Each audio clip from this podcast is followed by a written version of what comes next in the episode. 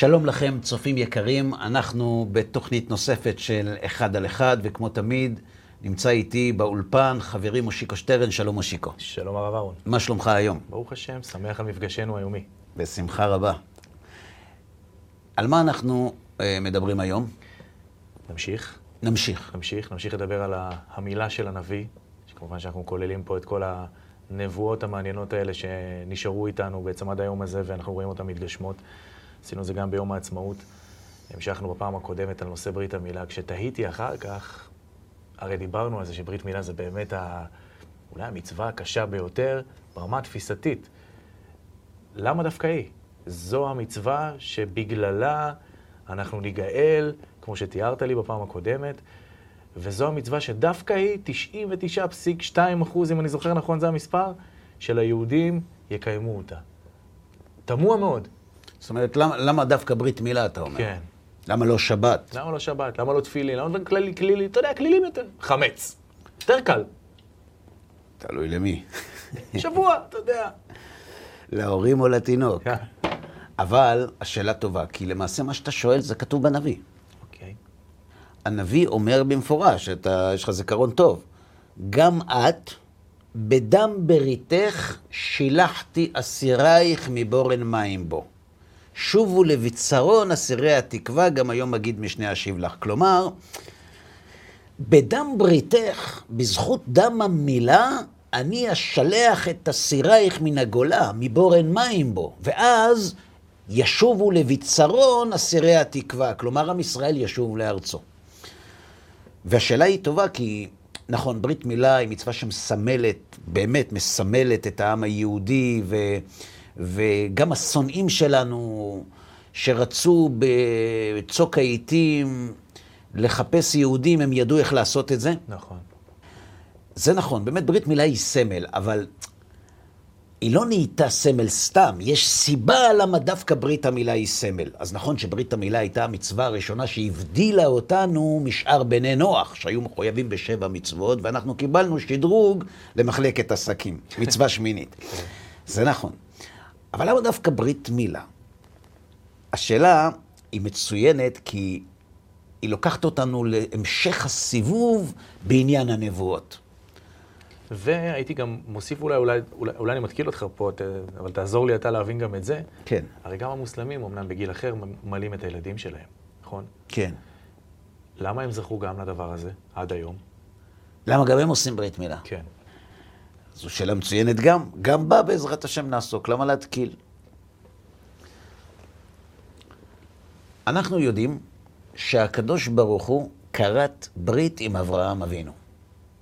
והוא אומר לו, במעמד הברית, ונתתי לך ולזרעך אחריך את כל ארץ כנען לאחוזת עולם, והייתי לך לאלוהים ולזרעך אחריך.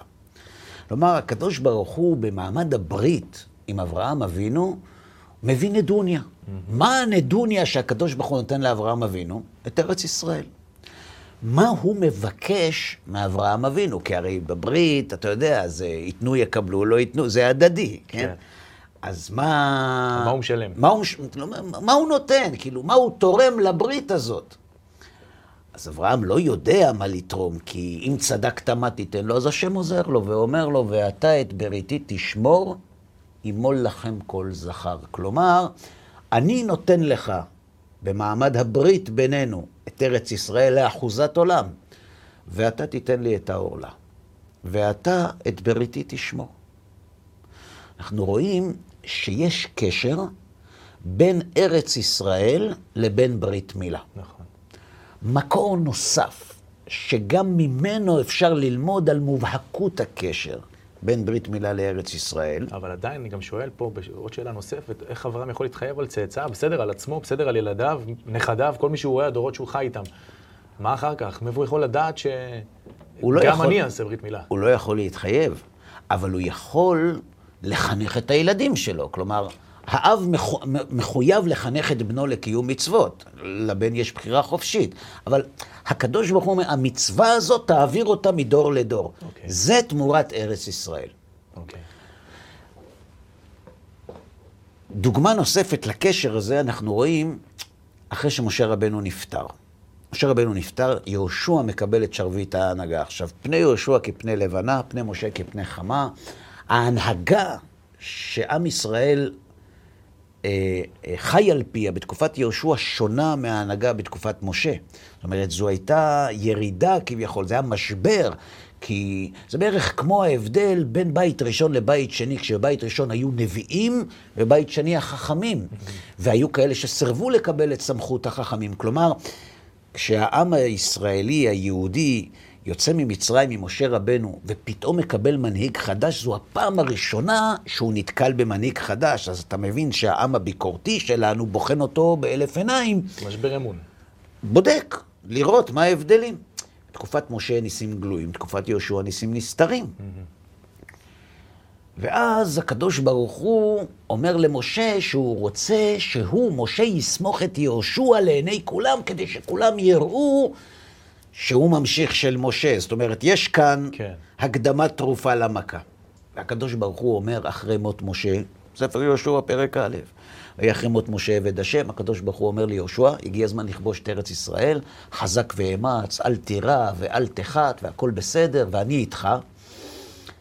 ואז יהושע לא מצליח. יש תקלות. בפעם הראשונה במלחמות אנשים מתים. ואנשים באים ליהושע, והוא בא לקדוש ברוך הוא. בעת ההיא אמר השם אל יהושע, עשה לך חרבות צורים ושוב מול את בני ישראל שנית. עוד מילה. זהו, שפה זה קצת בעיה. אני אגיד לך בסוד שאני מועל, אי אפשר למול שנית. כן, את מה... גם לא כן. רצוי כן, וגם מסוכן. את מה תיקח? אז כן, אז מה, מה זה למול שנית? אז הפסוק ממשיך.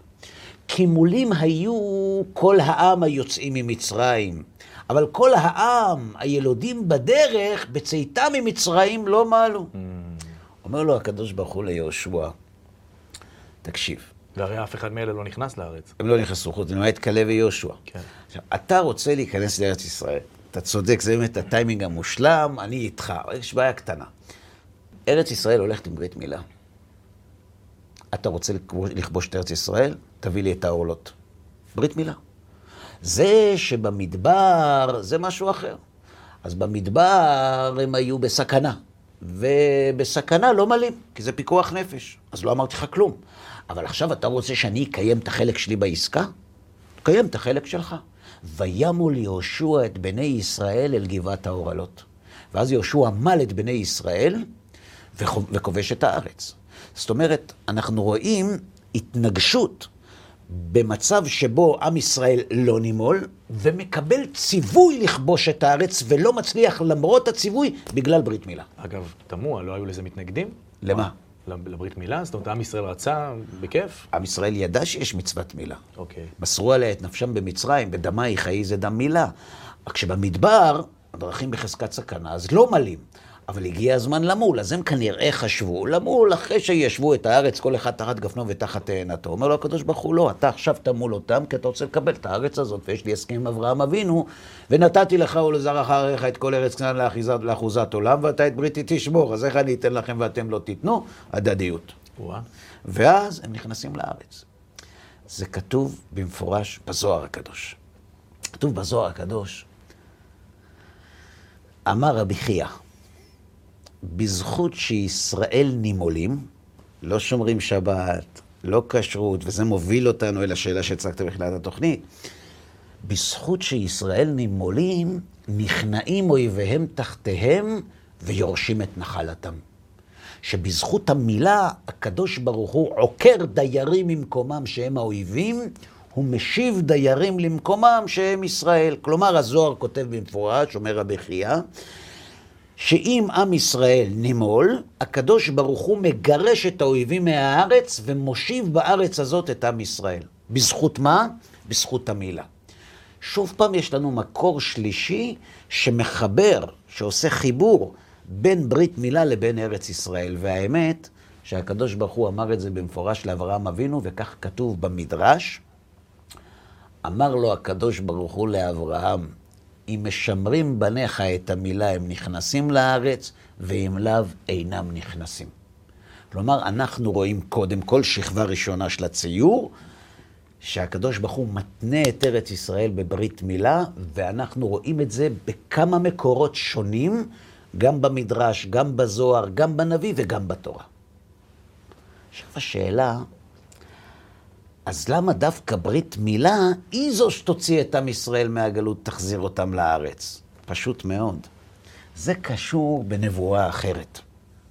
אנחנו דיברנו בתוכנית שעשינו ביום העצמאות, כמדומני שזה היה ביום העצמאות, דיברנו על נבואות שמתרחשות בסוף המאה ה-19 ובתחילת המאה ה-20, ואחת מהן הייתה שממת הארץ. נכון. דיברנו שם גם על התהליך של הגאולה שיהיה משולש. קיבוץ גלויות, שיבת ציון וחזרה בתשובה. נכון. כך היינו משם. למי שלא מהצופים, כן. זה נמצא שם. עכשיו יש כאן בעיה. הקדוש ברוך הוא הבטיח שלפני ביאת משיח, עם ישראל יחזור לארץ. ואז ישוב בתשובה, ואז תבוא הגאולה. בשביל שעם ישראל יחזור לארץ, בוודאות, צריך שמישהו יפרע את השטר. הרי אם ארץ ישראל ניתנת רק למי שהוא נימול, ואם הקדוש ברוך הוא הבטיח שאחרי גלות של אלפיים שנה, עם ישראל יחזור לארץ, בתוך שני המשפטים האלה טמונה התחייבות שהקדוש ברוך הוא מבטיח שעם ישראל, למרות כל הגלויות, באשכנז, בצרפ... בפרובנס, בספרד, בתימן, בבבל, באלג'יר, בתוניס, בכל העולם, אלפיים שנה של גלות, אבל אפשר לצפות מראש שכל אלה שיחזרו לכאן יהיו נימולים. כי אם הם לא יהיו נימולים, הם לא יחזרו לכאן. ואם הבטיחו שהם יחזרו לכאן, חייב שהם יחזרו לכאן נימולים, וזה מה שראינו בעיניים. וואו. זאת אומרת, זה לא זה סתם... גם מנגנון סינון כזה. זה נכון, זה לא סתם, זה לא סתם דווקא ברית מילה. ברית מילה הייתה ההתחייבות של אברהם אבינו, נציג עם ישראל לפני הקדוש ברוך הוא מעמד הברית. ויש התניה של ברית מילה וארץ ישראל, והמשיח חייב לבוא, וכדי שהוא יבוא, עם ישראל חייב לחזור לארץ, ושעם ישראל חייב לחזור לארץ, הוא חייב לשמור ברית מילה. אז עם שבת ועם כשרות ועם טהרה, יכול להיות הקדוש ברוך הוא יכול לחכות. עד שיבוא הזמן של אומה לשם אלוהיך את לבבך ואת לבב זרעך. אבל בשביל להיכנס לנתב"ג, אתה צריך ברית מילה. וזה הקשר בין השאלה שלך לתשובה שלי. למה דווקא ברית מילה תהיה המצווה שעליה אומר הנביא זכריה, גם את בדם בריתך שילחתי אסירייך מבורן מים בו. כי אם לא היה דם בריתך, לא היינו יוצאים מן הגלות, כי לצאת מן הגלות זה רק לארץ ישראל, וארץ ישראל בלי ברית מילה לא ניתנת. יפה. אז זה הלב, ואחר כך הקוסמטיקה, אתה אומר. נכון.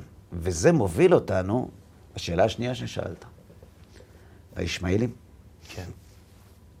אתה אמרת שגם הישמעאלים נימולים. זה נכון.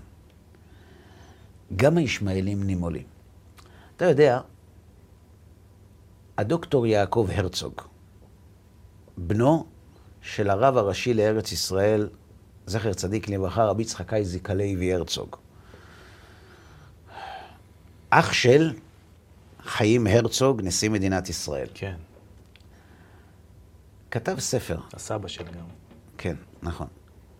עם לבדד ישכון. ושם הוא כותב את המילים הבאות, אני משתדל לצטט, אני, אם אני טועה מילה או שניים, ת, תסלח לי.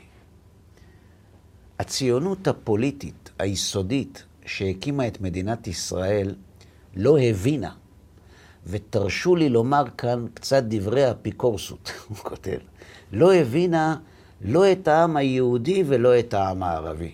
אנשי המנהיגות היהודית חשבו שאנחנו נחזור הנה כמו עמים אחרים שאחרי מלחמת העולם הראשונה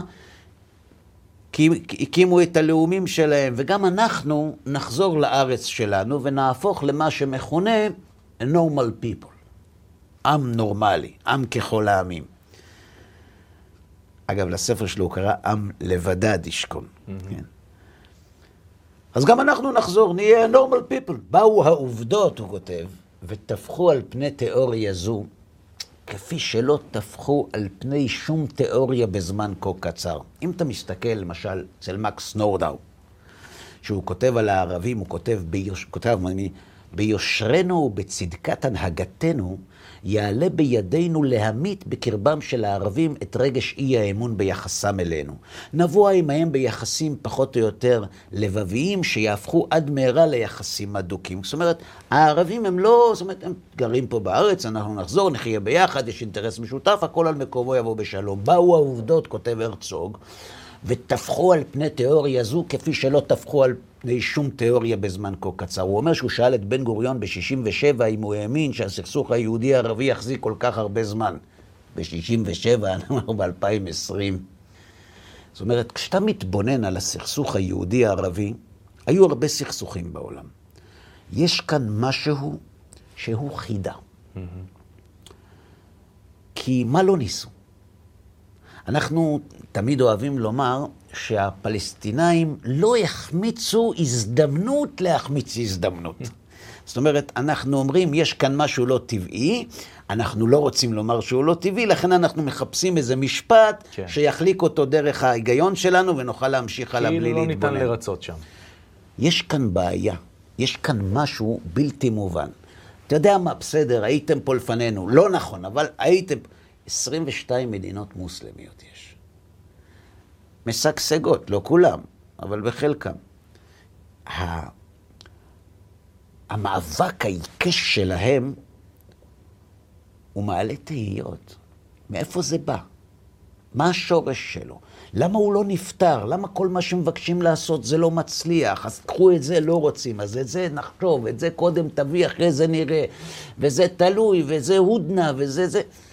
משהו פה לא ברור. אז היום אנחנו כבר יודעים שהסכסוך שלנו עם הפלסטינאים הוא לא סכסוך כלכלי. הוא גם לא סכסוך פוליטי. הוא אפילו לא סכסוך דתי. וואלה. כן. אלא? לא יודע, משהו אחר. אין כאן סכסוך בין דתות. יש כאן סכסוך בין מי שמחזיק את עצמו עם, לבין מי שזה שמחזיק את עצמו עם והוא לא עם, אומר על זה שהוא עם, שהוא לא עם. אבל לא פעם שמעתי שהמנהיגים הדתיים, הרוחניים של המוסלמים אומרים, אתם עם כופר ולכן לא מגיע לכם. זה נכון, אבל לא זו הסיבה לסכסוך, שהרי יש יהודים שחיים בארצות ערב, כן. תחת שלטון מוסלמי, אז אני לא יכול להגיד לך שהם מלקקים שם דבש, אבל... הם חיים. הם חיים שם, זאת אומרת, לא זו הסיבה לפיצוצים ולהפגזות, לא, יש פה משהו אחר, אוקיי. והוא לא ברור. ואיך זה קשור לברית? בטח שזה קשור. כי לאברהם אבינו היו שני ילדים. יצחק וישמעאל. יצחק וישמעאל. המוסלמים הם העם היחיד בעולם, חוץ מעם ישראל, שמלים בציווי האל. נכון. לא מטעמי בריאות, נכון. ציווי האל. לכן אחד קוראים לו ישראל, ואחד קוראים לו ישמעאל. ברור? כן. זאת אומרת שהמוסלמים, הישמעאלים, לא כל המוסלמים, הישמעאלים, הם מלאים בציווי האל. עכשיו בואו נעשה חשבון מתמטי פשוט. אם ברית מילה מקנה זכות על ארץ ישראל, ואנחנו נגיד שזה ליהודים בלבד, יש פה משהו לא הוגן, כי הרי הישמעאלים גם מלאים בציווי האל. אז למה אין להם חלק בארץ? יפה.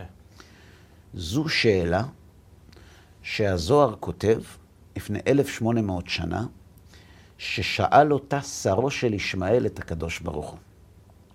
תא חזי, כך כתוב בזוהר. רק שנסביר, להנגיש, שרו של ישמעאל זה בעצם למעלה בשמיים. שרו של ישמעאל, אם נרצה לה- להגדיר מה זה שר, אנחנו אומרים מיכאל שר ישראל. מי זה שר של ישראל? אנחנו בניו של הקדוש ברוך הוא, אנו בניך ואתה כן. אבינו. שר זה, זה כמו נשמה של גוף. זאת אומרת, אנחנו איברים איברים, מה הופך אותנו לגוף אחד? נשמה. הנשמה. עם זה אוסף של איברים אנושיים. מה הופך אותם ליחידה לאומית אחת?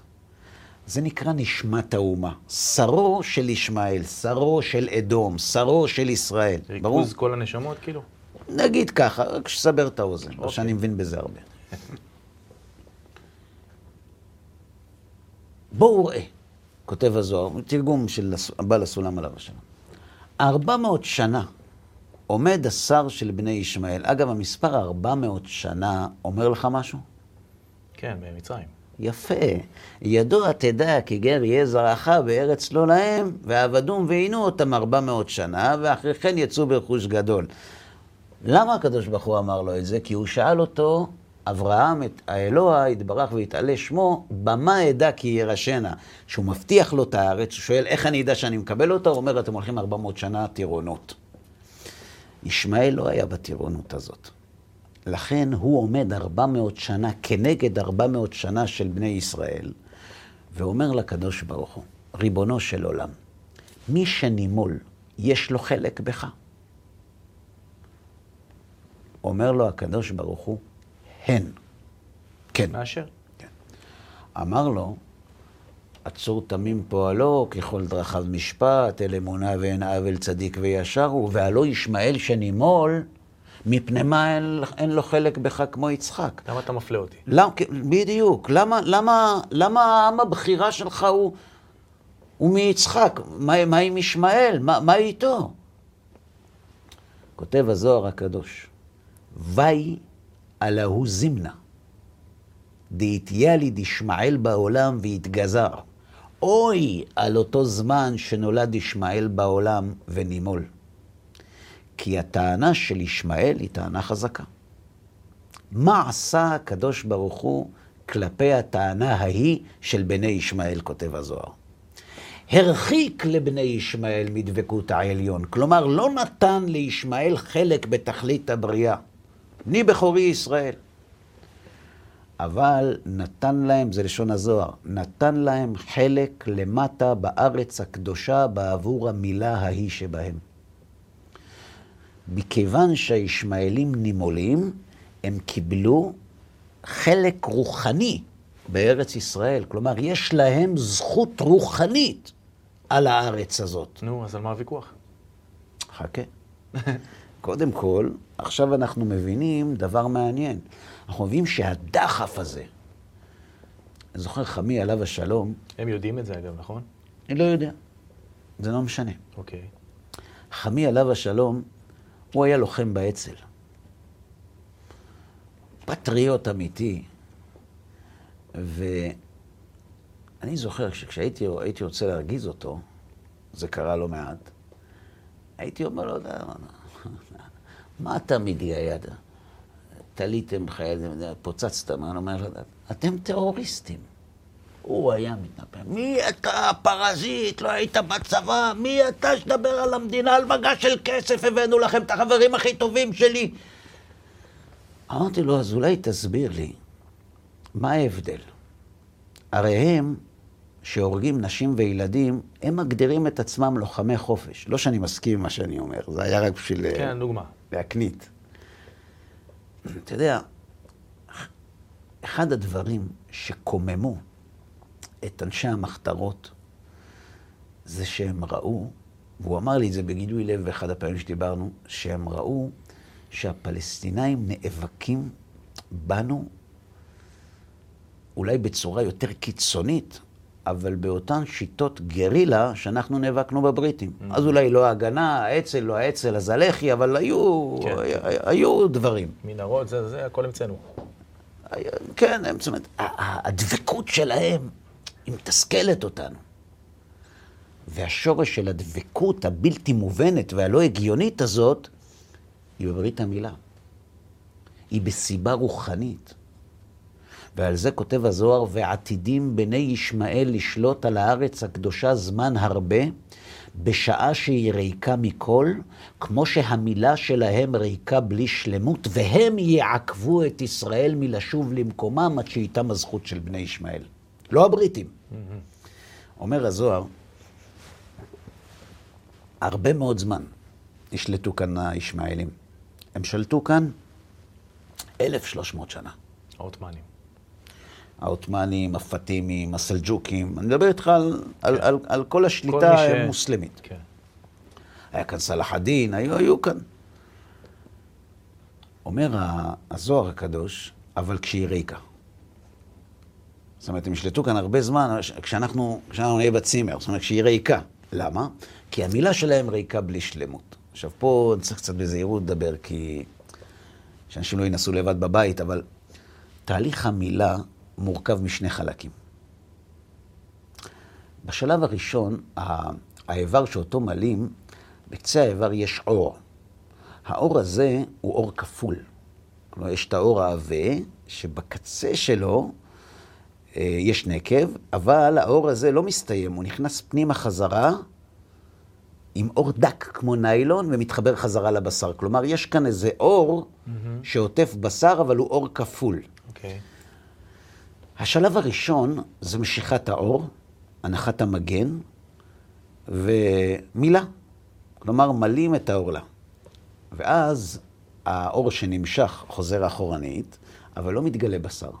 מתגלה אור דק, כמו ניילון, שזה האור התחתון, שהוא בדרך כלל לא נחתך. ואותו צריך לפרוע. פריאה זה גילוי, כי הפריאה מגלה את הבשר. נפסק להלכה. כך כתוב במשנה, כך כתוב בהלכות אה, מילה ביורד אחרי לג' מל ולא פרע כאילו לא מל. כלומר, אדם שביצע את תהליך המילה בשלמותו, חתך את האור והכל, אבל לא פרע, הילד לא מעול. ואת זה הם לא עושים. מל ולא פרע כאילו לא מל.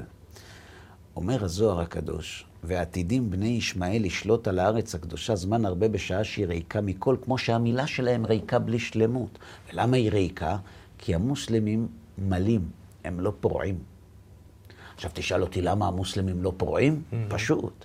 אברהם אבינו לא נצטווה על הפריאה. ואברהם אבינו העביר ליצחק ולישמעאל את המילה ללא פריאה. אז מאיפה באה הפריאה? במעמד הר סיני. במעמד הר סיני נצטווינו על הפריאה, אלא שאז הילדים של ישמעאל צללו בדהב.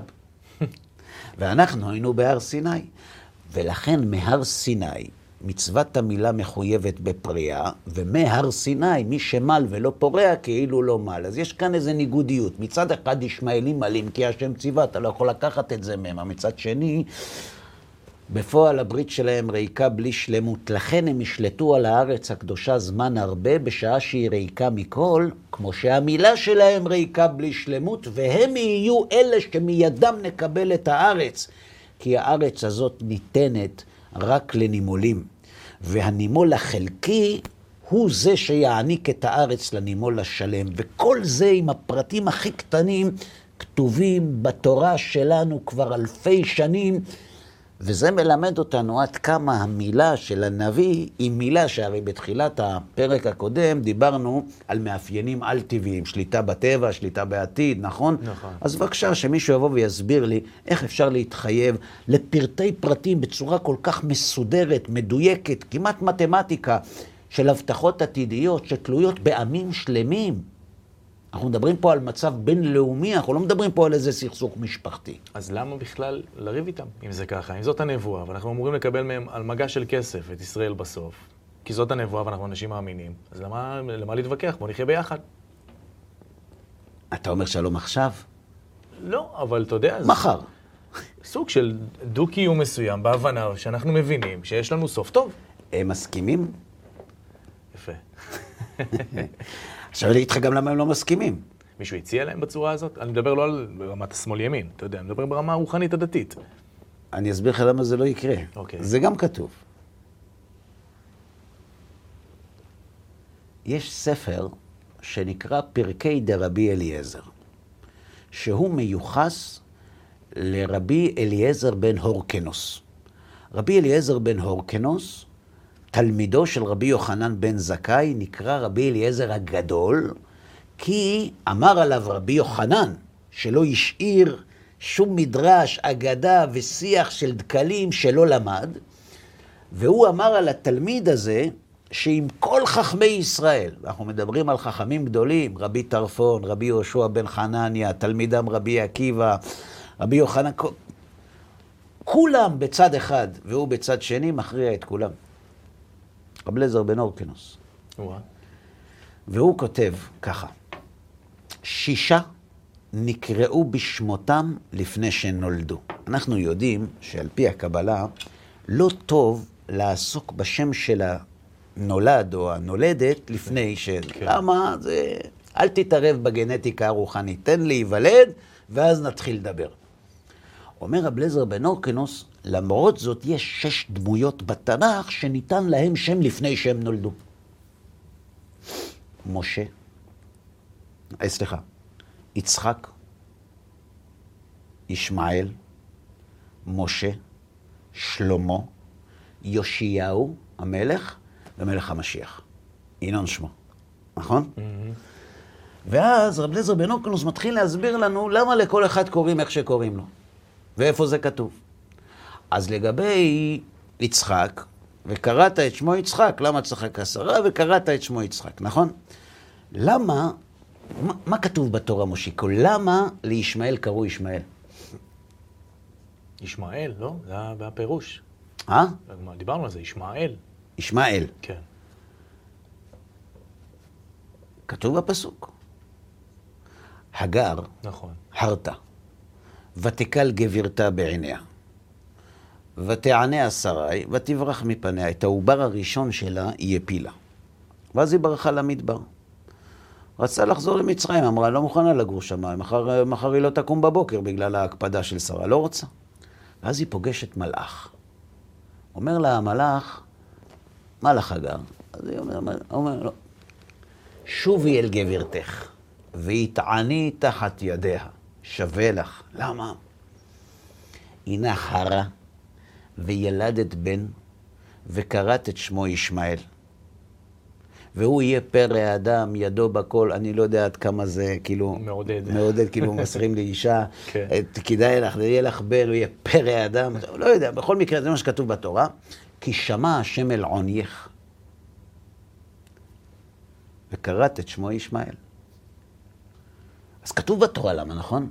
אז אם עכשיו רב לזר בן אורקנוס רוצה להגיד לנו למה קראו לו ישמעאל, מה הוא צריך לצטט? כי שמע השם אל עונייך. והוא מביא את הפסוק, אבל הוא שואל, ולמה נקרא שמו ישמעאל? עדיין. עדיין. אבל כתוב, אומר רב לזר בן אורקנוס, יש בעיה. שמע השם אל עונייך, זה לשון עתיד או עבר, שמע בעבר? וישמעאל זה לשון עבר או עתיד? עתיד? יפה. אז אם היו אומרים לאישה, תקראי לבן שלך שמעאל, הגיוני. הגיוני ומובן. אבל בגלל ששמע ישמעאל, כותב רב לזר בן אורקינוס, ולמה נקרא שמו ישמעאל? שעתיד לשמוע הקדוש ברוך הוא מכל נאקת העם, ממה שעתידים בני ישמעאל לעשות בארץ באחרית הימים, לפיכך נקרא שמו ישמעאל, שנאמר ישמע אל ויענם. עתיד. עכשיו שאלת אותי למה לא עושים שלום. תשובה.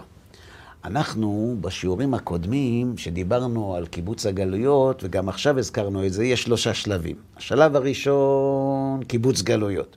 השלב השני, שיבת ציון. השלב השלישי, מה? חזרה בתשובה. ואחר כך משיח בא.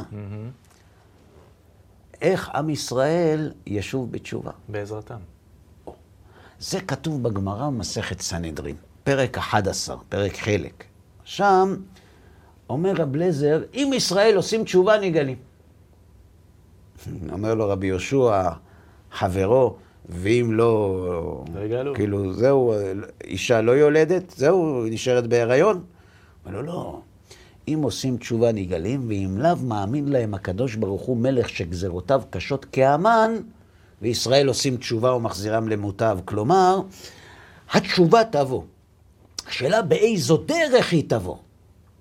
ולכן יש כאן שימור של מקל החובלים, שלא ייתן מנוחה לעם ישראל אחרי שנתקבץ ושב לציון, לא ימצא מנוחה עד שישוב. ואיך ישוב, זה תלוי בו. אז רגע, לפי, לפי ההבנה ההגיונית, עברנו את זה. אני לא יודע את זאת אומרת, מה. הרי הם הלכו פה. מי הלך? הם, הם מלכו פה, מי? המוסלמים. נכון. אבל עדיין הם עושים לנו צרות. זה כן, למה? אבל המלך הוא לא הם. נכון. אבל למה אנחנו סובלים? מה עשינו רע? הכל בסדר, לחלוקה הסכמנו, לזה הסכמנו, לא... מה קרה?